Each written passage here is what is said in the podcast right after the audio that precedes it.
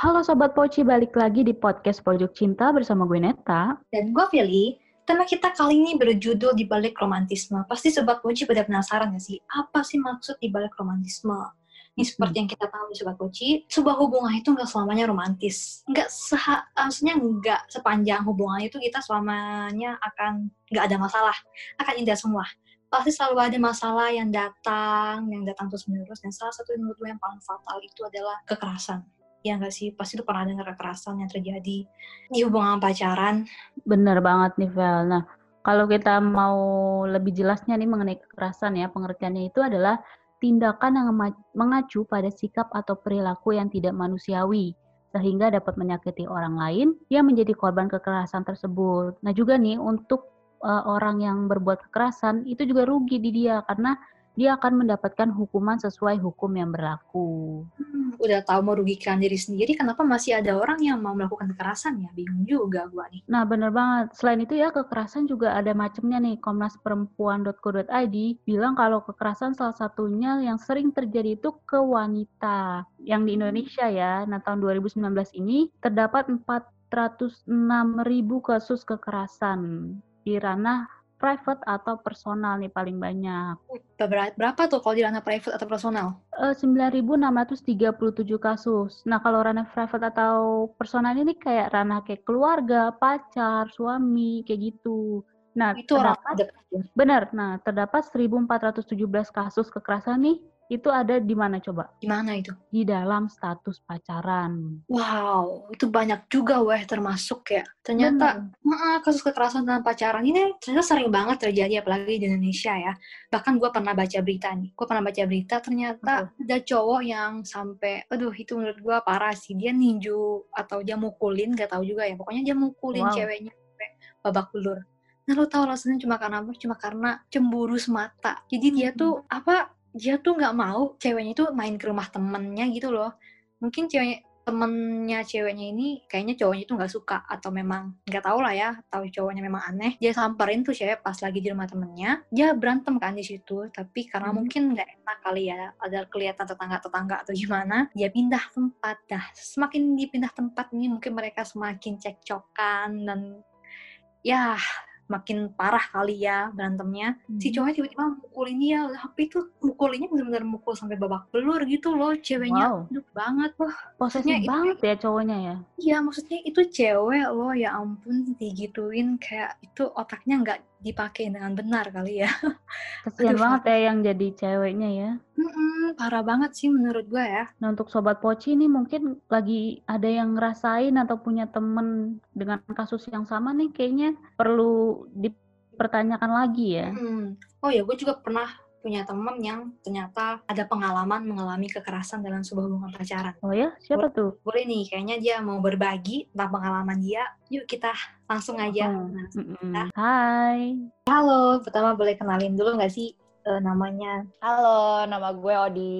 Oke, Odi. eh, jadi kan kita tadi udah sempat ngebahas sedikit tentang kekerasan nih. Katanya nih Mm-mm. kamu juga em, mengalaminya nih, pernah mengalaminya. Boleh diceritain nggak awal mulanya mungkin? Oh, boleh. Jadi awal mulanya ini karena pacaran sih. Jadi dulu gue masih kecil dan gak tahu apa-apa kayaknya, masih dibutakan sama cinta dan segala macem. Jadinya, yaudah, gue pacaran sama seseorang yang salah. Padahal sebenarnya juga udah diingetin sama teman-teman gue kayak jangan jangan pacaran sama dia, dia itu bukan orang yang bener, nanti lu bisa diapa-apain sama dia. Kalau kalau mungkin kalau sampai dilakukan kekerasan seksual sih enggak, tapi kalau kekerasan secara mental dan fisik iya. Itu Pas umur berbahaya. berapa nih? Nah, kejadiannya itu ketika gue masih umur berapa tuh? Aduh, masih masih kecil banget kayaknya 15 atau 16 tahun deh. Soalnya tuh waktu itu cinta pertama gue tuh, terus gue lagi goblok-gobloknya. Terus udah gitu, si gimana ya, kan masih kecil ya, kita nggak tahu mana yang bedain, mana yang benar, mana yang enggak. Dan juga masalahnya itu waktu masih kecil kan kita juga nggak bisa cerita ke siapa-siapa gitu loh. Karena masih kecil kan kita insecure gitu loh. Kayak mau cerita ntar orang ngejudge gue kayak gimana ya gitu loh. Ya, Kalau lo tahu itu mantan ketemunya di mana ya? Sekolah ya? sekolah waktu itu masih SMP itu itu mantan pertama yang benar-benar wow. Sampai sampai ngelupain itu butuh waktu banget. Dan itu benar-benar membekas banget di mentalnya gue. Karena karena hal seperti itu gitu loh. Jadi gini nih kekerasan secara mental itu tuh lebih mengarah kayak omongannya. Kayak omongannya tuh kasar cara dia mem, apa ya kayak ngasih tahu gue itu bukan dengan cara yang baik-baik bukan dengan cara yang halus cara yang sopan gitu ya. Kayak cara dia marah tuh lebih ke memaki lebih maki-maki dan sampai ngatain gue kayak lu tuh ya jadi cewek tuh goblok banget gini lu tuh nyusahin cewek kagak guna lo gini-gini. Nah seperti itu gitu loh yang sampai ngancurin mental secara perlahan itu berapa lama yang, ya pacarannya?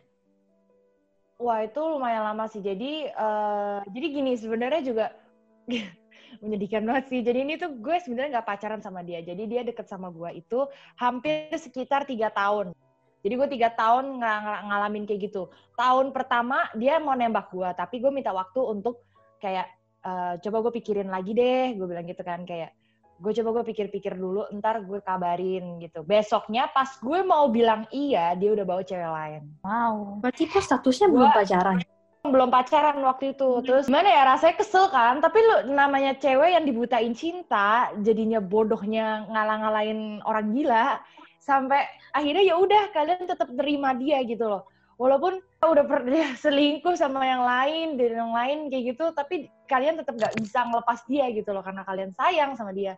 Nah sampai akhirnya dia putus sama ceweknya yang itu habis itu deket lagi deket lagi sama gue nah di saat itu gue tahu sifat aslinya dia yang super duper sangat keras dan kasar menurut gue ya.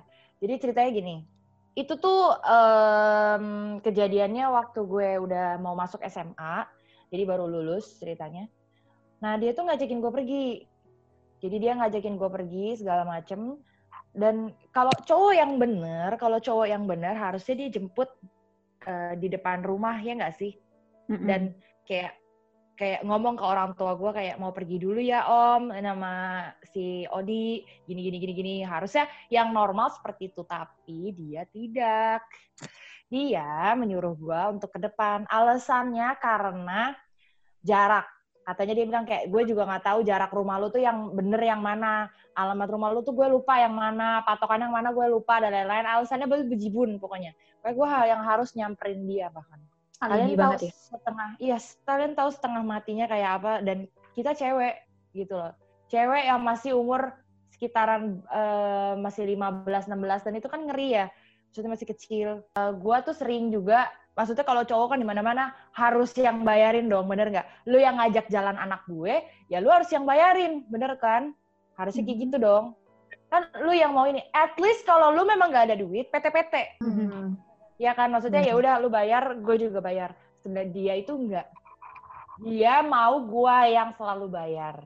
Terus untuk kerjaan sekolah nih misalkan dia uh, ada tugas dan lain-lain gue semua yang kerjain dari awal kenal atau pas udah baru-baru mau jadian pas udah udah baru udah mau serius tuh dua-duanya yang pas gue bilang itu yang habis diputus dari cewek itu uh. nah gue baru mengenal dia yang asli tuh begini ternyata dan dia itu setiap malam sukanya mabok pergi ke klub dan lain-lain. Dan lu baru tahu itu setelah berapa tahun? Setelah gue serius, iya. Okay. Pas gue udah serius itu, gue baru tahu ternyata dia tuh suka mabok, suka pergi uh, ke klub, main cewek, bener-bener main cewek ya, bukan cuma sekedar kayak uh, deket-deket doang atau yang ini, itu mah gue jujur ya, gue orangnya sangat amat bodoh amat sama orang. Kayak gimana ya kayak gue nggak peduli gitu loh.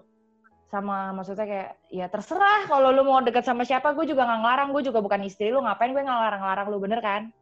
Hmm. nah dia sendirinya malah memakai kebebasan yang udah gue kasih untuk kesenangannya dia dan untuk hal yang nggak baik dia malah hmm. main sama cewek lain depan mata gue jadi waktu itu gue samperin dia ke Fable apa Blowfish ya gue lupa Fable deh kalau nggak salah gue uh, ke Fable terus gue lihat dia lagi main sama cewek lain di toilet. Mhm. Sumpah.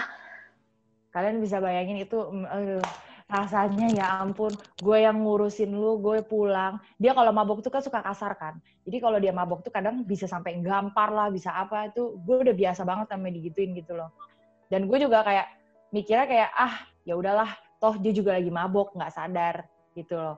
Padahal sebenarnya kan harusnya kalau dia kalau dia sayang sama gue harusnya dia nggak kayak gitu dong bener nggak pikirannya kayak gitu kan harusnya cuman kenyataan berkata lain Berarti sering di eh, kekerasannya pakai fisik berarti sering juga ya? sering apalagi kalau dia lagi mabok.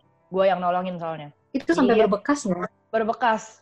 Sering sampai biru lah sampai apa. Untungnya sih eh, nggak sadar orang rumah gitu. Karena gue juga nggak nggak mau pernah cerita cerita Nggak pernah Karena- ngelaporin sebenarnya ngelaporin gimana ya caranya ya? Namanya juga orang udah bucin jadi susah nggak sih? Kalian mau ngelaporin dia juga karena kalian sayang jadi nggak berani gitu loh. Ya udah jadiin pelajaran aja gitu loh. Jadi juga gini loh. Pertama nggak mau nyusahin orang lain. Jadi gue tuh prinsipnya tuh nggak mau nyusahin orang lain. Kalau bisa selesai sendiri selesain gitu loh.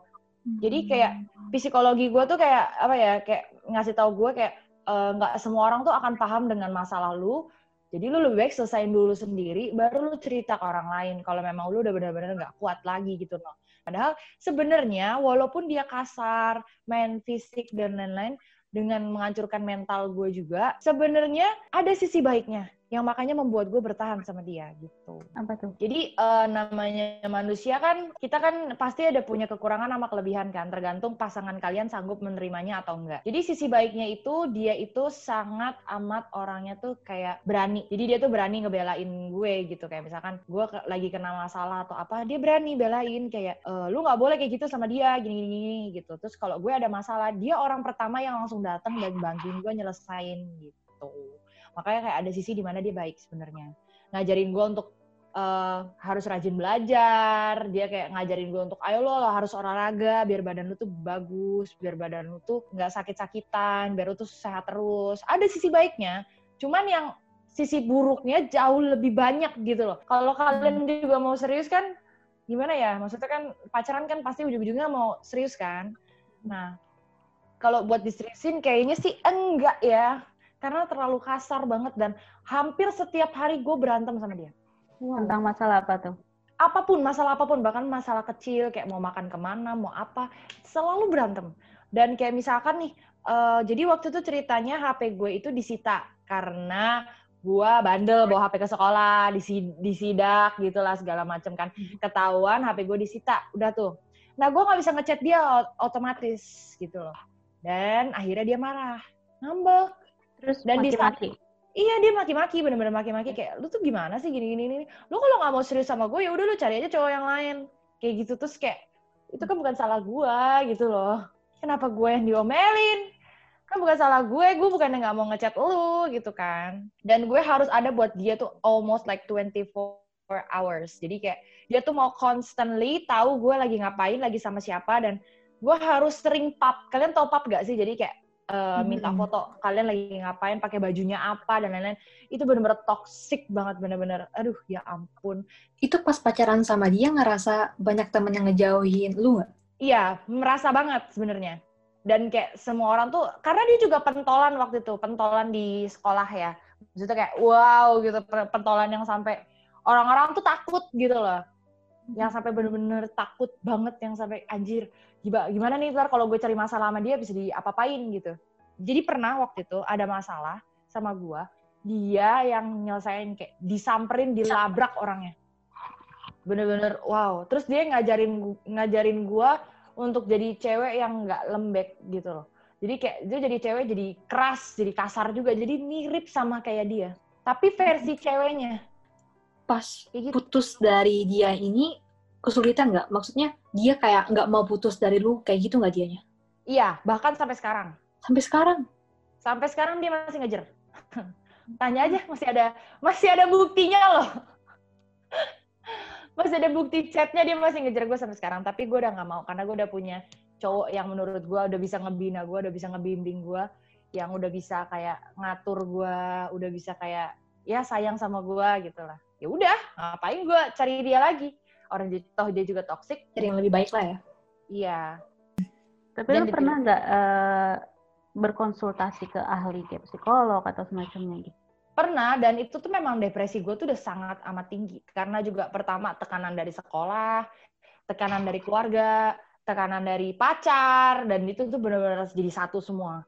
jadinya tuh kayak aduh ya ampun stres itu udah sangat gila. Tuh sampai gue tuh pernah berpikir kayak gini loh. Uh, pernah berpikir kayak pengen gue udahin aja hidup gue karena gue udah nggak sanggup lagi gitu ngeliat. Di rumah berantem di pacaran juga kayak begini di sekolah pun gue juga gimana ya seneng sih ketemu teman-teman dan lain-lain tapi tetap juga ada drama gitu loh. Jadi kayak lu tuh nggak bisa lari dari masalah untuk sebentar aja lu tuh nggak bisa sampai akhirnya gue memutuskan pengen mati aja gitu. Itu pas konsultasi sama psikolog berarti nggak ada yang tahu gitu nggak ada keluarga yang tahu ya? Mm, nggak dianterin sama teman. Dan cukup maksudnya berfungsi nggak sih pas konsul ke psikolog? Sebenarnya percuma kalau kalian nggak dari diri kalian sendiri nggak mau mau ke konsultan yang paling jago kayak di dunia mau diceramahin sama teman kalian kayak sampai 40 hari juga nggak bakal bisa kalau kalian sendirinya nggak mau karena kebahagiaan itu kalau kalian cari itu nggak bakal ada nemu titik terangnya karena kebahagiaan itu kan dat datangnya dari diri kalian sendiri hmm, bener-bener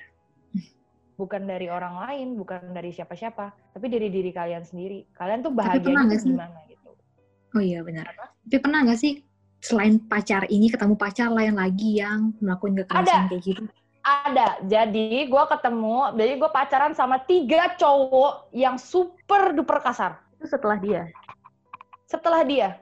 Jadi kalian bisa bayangin perjalanan cinta gue tuh kayak yang masih stagnan sama ini orang yang super duper kasar kecuali yang terakhir. Yang terakhir dia mau berubah untungnya. Hmm. Yang terakhir itu bertahan lama nggak sih? Be, ya lumayan sih, lumayan bertahan lama sampai sekitar lima tahun yang terakhir. Oh lama banget itu ya? Iya dia mau berubah, cuman kita terlalu sering berantem dan akhirnya kita mutusin jadi teman aja sekarang. Ya kalau memang jodoh ya gue sama dia, kalau enggak ya sudah nggak mau dipaksain karena juga dia juga tahu kayak oh nih orang nih udah mentalnya rusak, gue tambahin lagi kayak begini, kasihan gitu loh. Itu pas Berarti, dia bilang mau berubah, berubah bener nggak? Awalnya nggak gini, namanya manusia kan pasti punya sifat alami ya, pasti kayak, uh, pasti ada sifat kayak nggak bisa diubah yang 100% tuh nggak bisa, tapi dikurangin. Dia sangat mengurangin kayak, dia tuh nggak marah-marah yang terlalu berlebihan, dia tuh lebih sayang sama gue, dia tuh lebih lembut, jadinya kayak dia tuh eh, nanyain kayak gimana? Udah udah mendingan belum? Gini gini gini. Lebih sering kayak menurunkan emosi dia gitu loh. Dibanding dia yang emosi yang kayak biasanya. Dikurangin. Tetap sih marahnya tetap keras. Cuman untuk sekarang ini dia turun banget emosinya untuk gue gitu. Hmm. untuk cowok yang kedua ketiga itu kekerasannya mukul juga nggak sih? Iya sama. Mukul juga. Didorong dicakar. Itu masih nggak ngelaporin siapa pun? Nggak nggak ngelaporin siapa pun. Karena ya tipikal gue kayak nggak mau nggak mau nyusahin orang lain. Paling ngelapornya cuma ke sahabat doang dan sahabat yang biasanya bertindak gitu. Karena kalau laporin keluarga takutnya nanti dia mikirnya tuh aneh gitu loh. Maksudnya kayak ini orang tuh ya gini gini gini sebenarnya dia kasar juga ada sebabnya. Cuma mungkin cara dia marah memang salah tapi marahnya dia juga ada sebabnya. Karena ada juga kesalahan dari gue gue nggak bilang kayak gue nggak salah apa-apa dia main nyerang gue nggak. Gue juga punya salah tapi cara dia marah itu juga salah gitu loh. Jadi cara dia marah itu menggunakan kekerasan yang di mana malah memperburuk keadaan bukannya um, menyelesaikan masalah gitu loh. Jadi kayak misalkan guanya terlalu egois guanya terlalu bawel guanya terlalu kayak bandel kalau dikasih tahu nggak mau nurut. Jadi cara mereka kasar banget gitu. Tapi sebelum mantan mantan lo itu lu pasti tahu gak sih yang mantan lu terdahulu juga ngelakuin hal kekerasan yang sama gitu? Kayak tahu, cerita mereka tahu. mantan hmm. tahu mereka tahu. Cuman ya mereka juga kayak gimana ya namanya sifat alamiah cowok pasti kayak gitu tapi sempat trauma gak sih untuk memulai hubungan lagi? Buat trauma banget sebenarnya. Sebenarnya traumanya banget banget sampai sekarang juga masih trauma karena di rumah udah digituin sama hubungan sama keluarga nggak terlalu baik, ditambah lagi sama hubungan pacar yang super duper toxic banget. Jadinya tuh takut kalau untuk apa ya?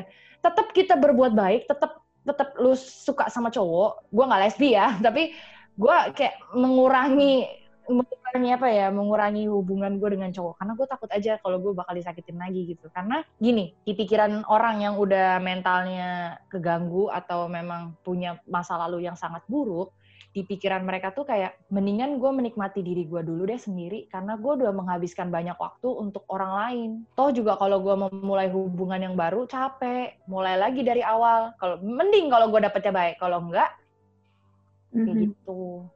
Makanya kalau biasanya kalau orang yang kayak gue gini, mendingan pacarannya sama orang yang memang gue udah kenal aja gitu. Karena gue udah nggak mau main-main lagi karena gue juga udah capek.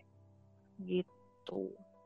Mendingan gue maksudnya kalau misalkan untuk merit gini nih gitu ya. Terus mendingan gue merit sama salah satu temen gue aja sekalian. Karena gue udah tahu gitu loh.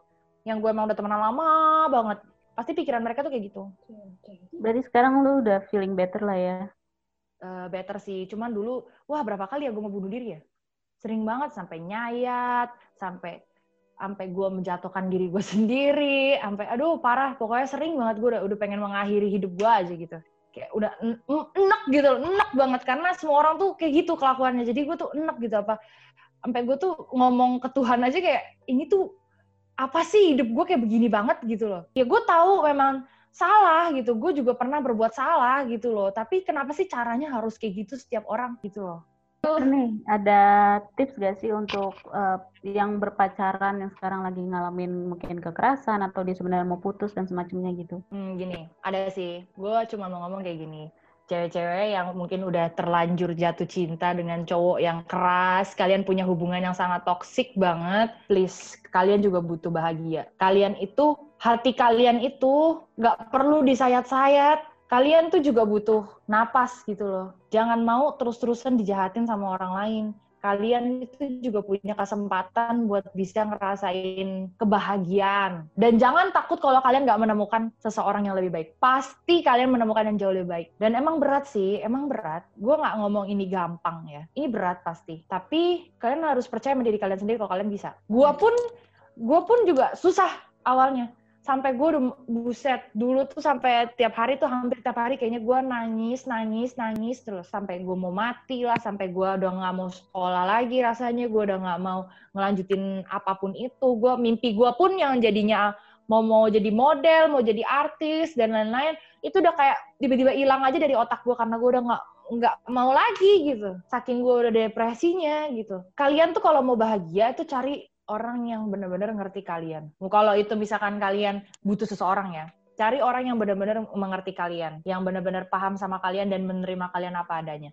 Tapi kalau kalian belum menemukan seseorang yang mengertiin kalian, gue bisa kasih satu trik buat kalian. Pergi dari lingkungan yang toksik itu. Jadi tinggalin lah ya. Tinggalin semua hal buruk itu. Dan kalian harus belajar menerima kenyataan. Kenyataan itu nggak ada yang manis. Semua kenyataan itu pahit, dan kalian harus belajar nerima. Kalau kalian udah nerima, kalian akan move on dengan cepat banget gitu. Oke, okay. bagus nih tips-tips tipsnya nih dari Odi. Terima kasih Odi udah mau curhat-curhat di pojok cinta bareng kita. Sama-sama. Makasih juga tips-tipsnya ya. Iya, kalian jangan takut ya kalau mau putus-putus aja biarin. Cowok tuh masih banyak banget guys. Kalian oh, itu okay. cewek yang kalian berharga guys. Please jangan hancurin diri kalian sendiri ya. Dan itu bukan film yang harus diakhirin. Okay. Tolong gunakan otak kalian. Thank you so much Odi. Bye bye. Thank you ya Odi. Nah, itu dia tadi cerita dari Odi yang udah kita dengar bareng-bareng nih. Pengalamannya agak sedikit ekstrim ya. Mm-mm, bener banget. Nah, untuk Sobat Poci nih, semoga pengalaman kamu gak kayak gini ya. Bener, semoga Sobat Poci bisa belajar dari pengalamannya Odi ini. Mm-mm, nah, untuk Sobat Poci nih, yang mungkin pernah mengalami atau trauma, dan mau tahu lebih dari sisi seorang ahli. Sekarang kita udah tersambung nih dengan psikolog untuk mengetahui tentang gimana sih hubungan yang baik dan gimana cara mengatasi hubungan yang toksik dan keluar dari hubungan toksik tersebut. Yup, langsung aja nih ada Ibu Jovita. Halo Ibu, mungkin boleh perkenalkan diri dulu nih ke teman-teman semuanya. Halo semuanya, uh, salam kenal. Senang banget ketemu sama kalian. Nama aku Jovita Maria Ferliana. Saya psikolog anak, remaja, dan keluarga saya praktek di Rumah Sakit Royal Taruma tadinya udah 12 tahun, tapi kebetulan, hmm. jadi ini sebenarnya harusnya masuk tahun ke-13, tapi satu tahun belakangan ini karena saya pindah rumah, kemudian saya udah berhenti praktek di rumah sakit, jadi sekarang lebih ke konsultasi online. Kemudian saya juga ada buat buku dua kebetulan.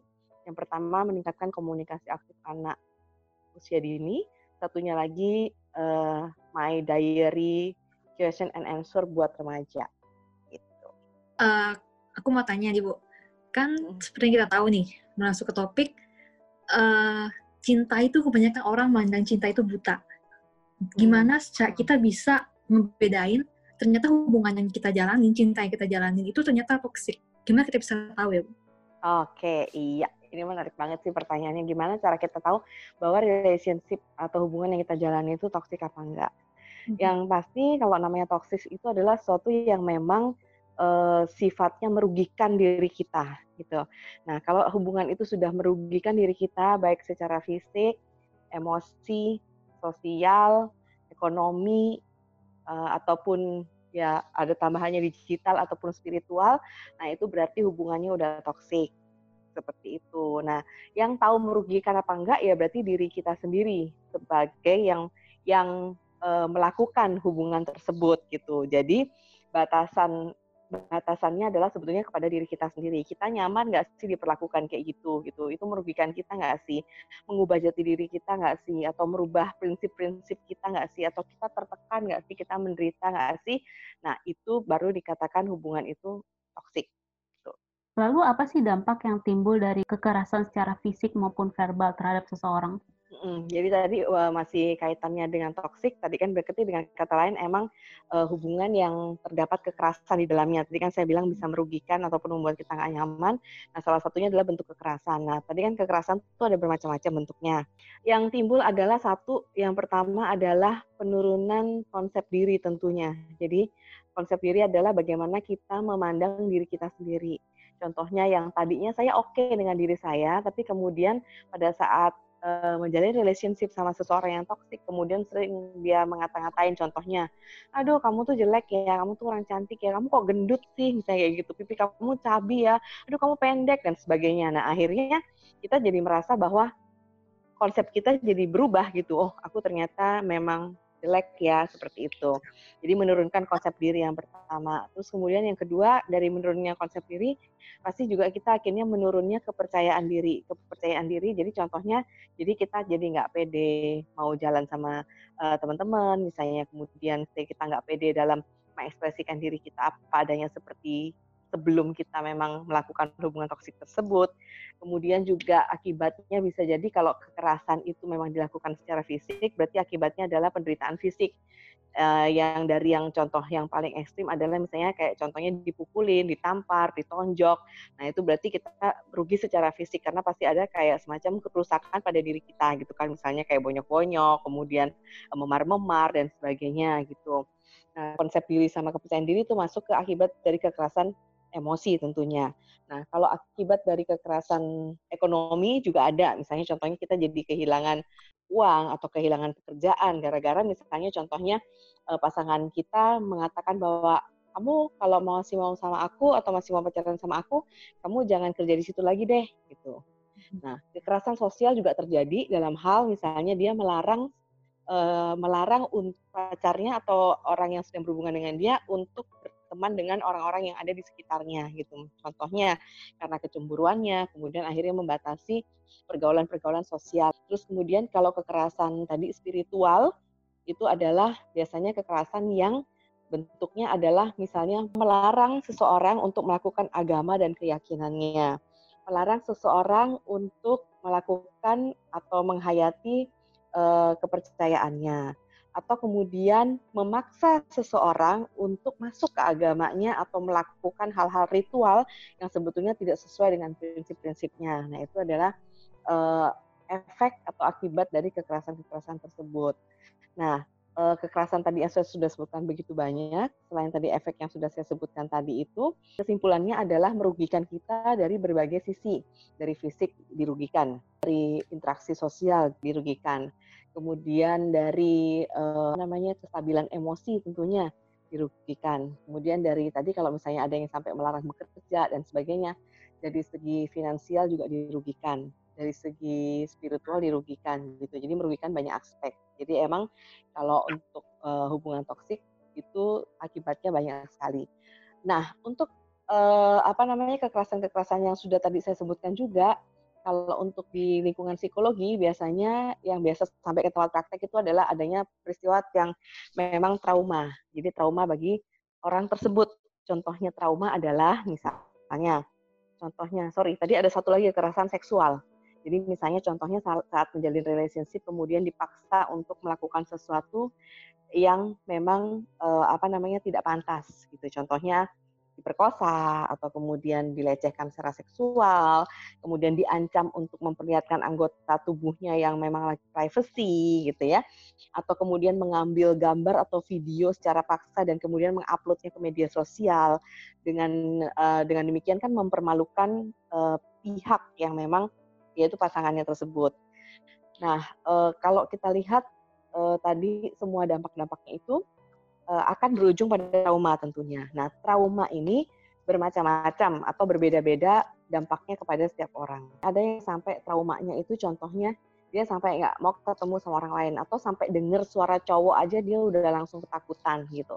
Nah kalau namanya trauma itu biasa juga ada tanda-tanda fisiknya juga. Contohnya jantung berdebar, keringat dingin, uh, kemudian uh, detak jantung juga semakin meningkat, sesak nafas, kemudian sampai kadang muncul perilaku-perilaku uh, yang mengganggu gitu ya. Misalnya contohnya jadi nggak bisa tidur kemudian jadi kehilangan selera makan kehilangan konsentrasi atau bahkan ada mimpi buruk ada gangguan tidur seperti itu. Jadi arahnya yang bentuk parahnya bisa sampai ke peristiwa traumatis seperti itu.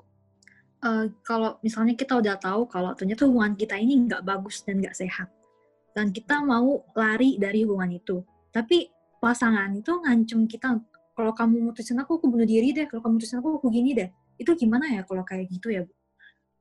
Nah, itu sebenarnya termasuk kekerasan emosi. Karena dia mengancam kita untuk melakukan apa yang menjadi kehendak kita, termasuk kekerasan emosi. Uh, kalau dia mengancam bahwa kalau kamu tinggalin aku, aku bunuh diri kok, gitu kan ya.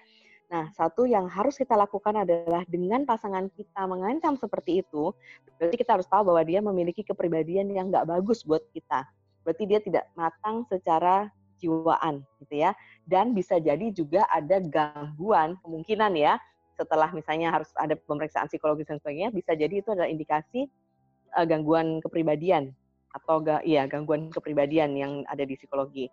Nah, kalau sampai itu uh, memang benar terjadi uh, itu dampaknya jangka panjang gitu. Jadi kita harus lihat bahwa kita harus lebih mengutamakan dan mencintai diri kita sendiri uh, itu yang nomor satu gitu. Jadi kalau kita berpikir ini, untuk apa kita pertahankan hanya demi kita takut dia bunuh diri misalnya. Padahal kalau kita lanjutkan dan kemudian nanti ending-endingnya berujung kepada tunangan, pernikahan dan sebagainya, kita yang sengsara seumur hidup. Nah jadi sebaiknya satu kalau ada yang mengancam seperti itu, gak apa, ambil sikap tegas bahwa tetap aja kalau kamu mau breakdown, breakdown aja, putus, putus aja nggak usah mikirin bahwa dia nanti akan bunuh diri beneran dan sebagainya. Bunuh diri ini ada aja ada uh, ada dua ya, cuman dia ngancem doang. Ya atau emang dia bener-bener bunuh diri gitu kan ya. Kalaupun memang dia benar-benar melakukan tindakan yang akan mungkin berdampak atau punya potensi mencelakai dirinya, itu di luar itu sebetulnya di luar tanggung jawab kita. Itu karena setiap orang punya tanggung jawab akan dirinya sendiri. Nah, paling yang bisa kita lakukan sebagai pasangan kalau emang kita merasa bahwa kayaknya pasangan kita benar-benar akan apa melakukan tindakan nekat nih, ya kan? Yang kita lakukan adalah satu, kita komunikasikan kepada orang terdekat pasangannya, pasangan kita. Misalnya contohnya komunikasikan ke keluarganya, ke kakaknya atau ke ibunya bahwa uh, sorry tante, saya itu nggak nyaman lagi sama dia, saya mau putus tapi dia mengancam dia mau bunuh diri dan kayaknya kemarin dia udah uh, waktu ngomong itu serius. Jadi memang kayaknya saya takut dia akan melakukan beneran gitu. Tapi sorry saya emang udah nggak bisa lagi sama dia gitu. Jadi intinya uh, putuskan dengan baik-baik, kemudian ambil sikap tegas untuk menjauhi dia. Menjauhi dia artinya kalau kalian memang benar-benar mau menjauhi, berarti putuskan semua koneksi dengan dia. Termasuk sosmednya, termasuk uh, apa namanya uh, handphone dan sebagainya jangan diangkat dan sebagainya dan tadi kalau memang potensinya berbahaya, sampaikan kepada keluarga terdekat supaya keluarga terdekat bisa mengawasi uh, mantan tersebut atau orang tersebut gitu ya. Uh, tapi memang yang paling utama adalah jangan takut kalaupun dia melakukan hal-hal yang merugikan dirinya itu bukan tanggung jawab kita. Oke, nah, tapi di beberapa kasus nih ada pasangan yang tetap bertahan dalam hubungan tersebut gitu, meskipun kerap kali dia ngedapetin kekerasan. Kenapa sih dia milih bertahan gitu?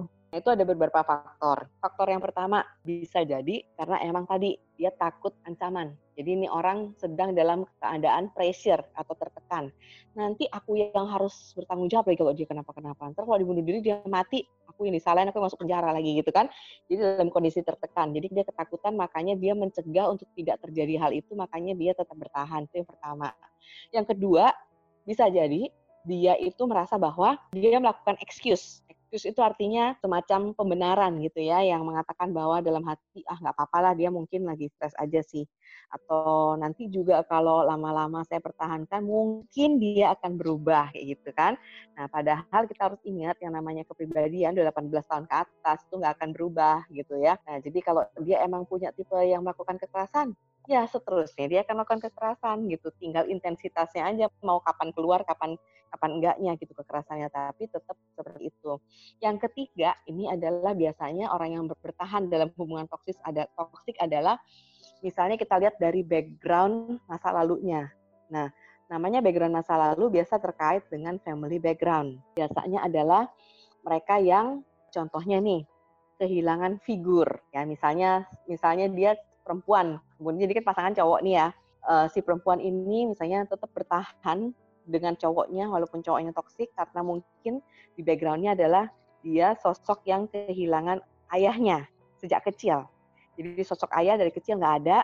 Kemudian saat ada seseorang masuk ke dalam hidupnya, gitu kan, yang quote in quote akhirnya menjadi pacarnya ini, kemudian dia akhirnya takut untuk melepaskan walaupun pacarnya udah toksik jahat sama dia dan sebagainya dia takut melepaskan karena dia takut kehilangan sosok cinta dari seorang pria gitu. Yang which is sebetulnya adalah itu adalah kompensasi dari kehilangan dia akan figur ayahnya yang dulu gitu. Demikian pula sebaliknya kalau misalnya kan pelaku kekerasan nggak selamanya cowok bisa jadi juga cewek yang melakukan kekerasan ya kan? Cowoknya yang tertindas kan bisa kayak gitu nah itu juga berlaku sebaliknya gitu dan uh, ini yang kami para psikolog juga temuin di tempat praktek hmm, biasanya uh, kalau sampai itu sudah namanya kekerasan atau ya kekerasan dalam relationship uh, ini nggak tahu kenapa tapi di dalam penelitian itu juga ada itu biasa kaitannya uh, si orang yang bisa yang yang memilih untuk bertahan ini biasa dia juga punya background yang seperti itu. Contohnya ibunya adalah korban kekerasan dari ayahnya gitu. Tapi si ibunya tetap bertahan gitu. Atau sebaliknya, ayahnya adalah korban kekerasan dari ibunya gitu. Jadi juga korban kekerasan kemudian terjadi lagi pada diri dia. Nah, kenapa ini bisa terjadi secara uh, padahal sudah beda generasi tapi kayak menurun gitu ya? Karena sebetulnya yang namanya kita seorang anak itu kan akan uh, mempunyai simpanan memori terhadap gambaran sosok seseorang yang emang paling dikenal dekat secara emosional oleh dia dalam hal ini ya berarti ayah dan ibunya gitu ya dan itu adalah sosok yang dalam pikiran adalah yang direkam sama dia sebagai sosok idola gitu walaupun misalnya contohnya ayahnya itu pelaku kekerasan. Tapi yang namanya seorang anak tetap ayah ini idola bagi dia. Nah, pada saat dia berpacaran gitu ya, di bawah sadar dia ini sudah kayak ngerekap bahwa oh sosok idola pria idola aku ya kurang lebih yang seperti ayah. Contohnya yang tegas, yang yang yang nadanya tinggi, yang bisa marah sama orang kayak gitu. Jadi itu yang terpatri di benak dia bahwa sosok idola untuk seorang pasangan adalah seperti itu. That's why akhirnya secara nggak langsung dia akhirnya berrelationship dengan dekat dengan figur yang kurang lebih hampir sama atau sama dengan pihak ayahnya gitu. Jadi akhirnya kayak terulang kembali.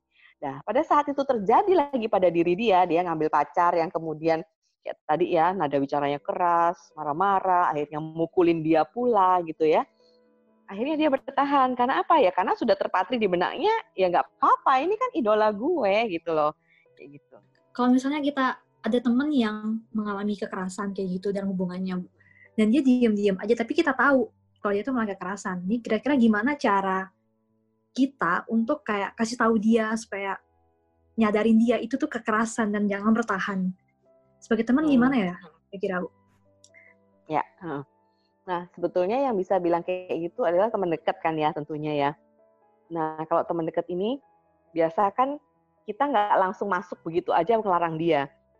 Tapi yang namanya teman baik atau uh, best friend biasa kan memang kita sudah pernah mungkin dia cerita ke kita gitu kan atau mungkin kita sudah pernah lihat kejadian secara langsung di depan mata kita. Jadi istilahnya uh, kita punya data itu dari langsung dari omongan dia atau dari yang kejadian yang kita lihat.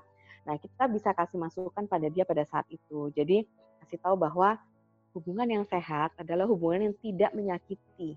Hubungan yang sehat adalah hubungan yang menghargai pasangannya, yang bisa membuat pasangannya itu merasa nyaman dan bisa berkembang uh, dan melakukan potensi diri dia. Nah, kalau aku lihat kayaknya pacar kamu nggak kayak gitu deh, gitu kan? Kita kasih contoh aja, lihat nih kamu sampai biru-biru dipukulin, lihat nih kamu sampai takut mau ketemuan sama kita aja ketakutan, lihat kamu itu aja sampai uh, hapusin semua kontak-kontak uh, apa namanya teman pria kamu di handphone kamu. Kayaknya kamu nggak jadi kamu deh gitu. Kamu bukan bukan diri kamu deh yang sekarang. Kalau gue sebagai sahabat sih kayaknya gue mau nyaranin lu untuk pelan-pelan lu mempersiapkan diri untuk uh, apa mulai mengakhiri hubungan ini atau apa karena kita itu semua sayang sama lo gitu. Jadi dikasih kesadaran aja temennya, dikasih contoh-contoh, didampingin, didengarkan yang penting gitu. Oke, um, terakhir nih Bu, ada tips gak sih Bu untuk orang-orang yang sudah mengalami kekerasan gitu? Gimana caranya dia untuk um, menghilangkan rasa traumanya gitu dan memulai yang baru lagi? Nah, tipsnya tuh sebenarnya gini, kita melihat dampak traumanya sudah sejauh apa uh, dan dampak dia tersakitinya atau dirugikannya sudah sejauh apa. Kalau memang sampai sudah merugikan banget, sampai yang tadi saya sebutkan, sampai uh, udah kitanya trauma uh, trauma banget sampai kemudian ada psikosomatisnya sampai mengalami gangguan tidur gangguan makan dan sebagainya. Pokoknya ada gangguan yang ada dalam diri kita dan kita merasa diri kita udah nggak berfungsi sebagai biasanya harus ke psikolog atau harus ke psikiater. Karena itu sudah sampai ke tahap terganggu fungsi keseharian dan fungsi uh, biologis tubuhnya gitu ya. Nah, itu berarti harus ke psikolog, ke psikiater karena apa? Karena memang membutuhkan bimbingan atau bantuan dari tenaga profesional gitu. Tapi kalau memang uh, inten, apa namanya intensitasnya atau kemudian uh, bobotnya itu tidak sampai uh, terganggu kitanya ya. Misalnya contohnya kita takut aja kalau ketemu sama dia. Tapi sebetulnya ketakutan ini kita bisa hadapin juga, bisa kayak gitu kan. Atau kemudian oke okay, kita kehilangan beberapa teman, tapi masih ada beberapa teman yang masih bisa kita uh, apa namanya pergi bareng dan sebagainya gitu ya. Tapi aku mulai udah udah nggak nyaman nih sama cowok ini gitu kan ya. Ya tipsnya adalah tadi jangan ragu-ragu berarti dia bukan pasangan yang bagus buat kamu, bukan yang baik buat kamu. Mulai persiapkan diri untuk meninggalkan dia. Dan kemudian uh, sarannya adalah cari dukungan sosial. Itu yang paling penting. Karena kekuatan kita sebetulnya saat mengalami peristiwa-peristiwa seperti itu, kita butuh dari uh, dukungan dari orang-orang terdekat kita. Bisa dari keluarga, bisa dari orang tua, bisa dari uh, saudara, kakak atau adik, bisa dari teman misalnya. Terutama sih kalau udah remaja atau dewasa awal tuh yang paling penting adalah teman. Nah, jadi saran aku adalah uh, buat yang si penderitanya nih ya kan, dia harus cari dukungan. Cerita ke orang-orang terdekat gitu ya kalau misalnya merasa bahwa nggak cukup cerita dengan orang terdekat, cari bantuan psikolog atau psikiater sebagai tenaga profesional. Dan kita sebagai temennya, kalau nggak mau ngebantu dia, tapi kita merasa kita nggak sanggup bantu dia, kita ajak dia, kita temani dia untuk ke tenaga profesional, misalnya psikolog atau psikiater, untuk melakukan proses konseling. Atau bahkan kalau sudah mengalami gangguan, berarti ya masuk ke proses psikoterapi. gitu. Oke, makasih banyak ya Bu udah mau ngobrol di Pojok Cinta. Makasih Bu atas waktunya. Oke, uh, makasih juga buat kalian sudah mempercayai saya sebagai narasumber.